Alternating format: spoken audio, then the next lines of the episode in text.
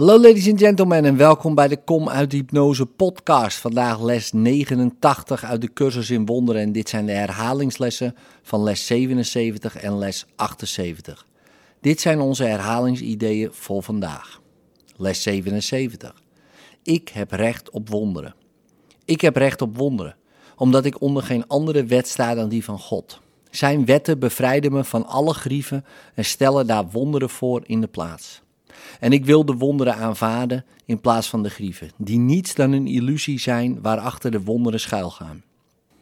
Nu wil ik slechts aanvaarden wat mij krachtens de wetten van God toekomt, zodat ik dat kan benutten voor de functie die Hij mij gegeven heeft. Je zou de volgende suggesties kunnen gebruiken voor de specifieke toepassing van dit idee. Hierachter schuilt een wonder waar ik recht op heb. Laat ik geen grieven hebben tegen jou, naam, maar je in plaats daarvan het wonder schenken dat jou toebehoort. In het ware licht gezien biedt dit mij een wonder aan. Les 78. Laat wonderen alle grieven vervangen. Met dit idee verenig ik mijn wil met die van de Heilige Geest en zie ik ze als één.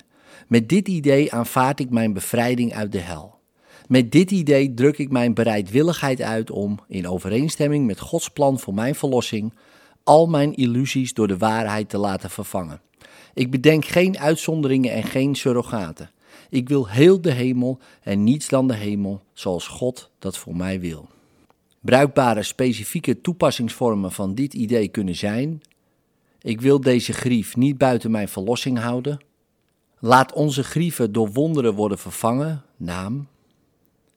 Hierachter gaat het wonderschuil dat al mijn grieven vervangt.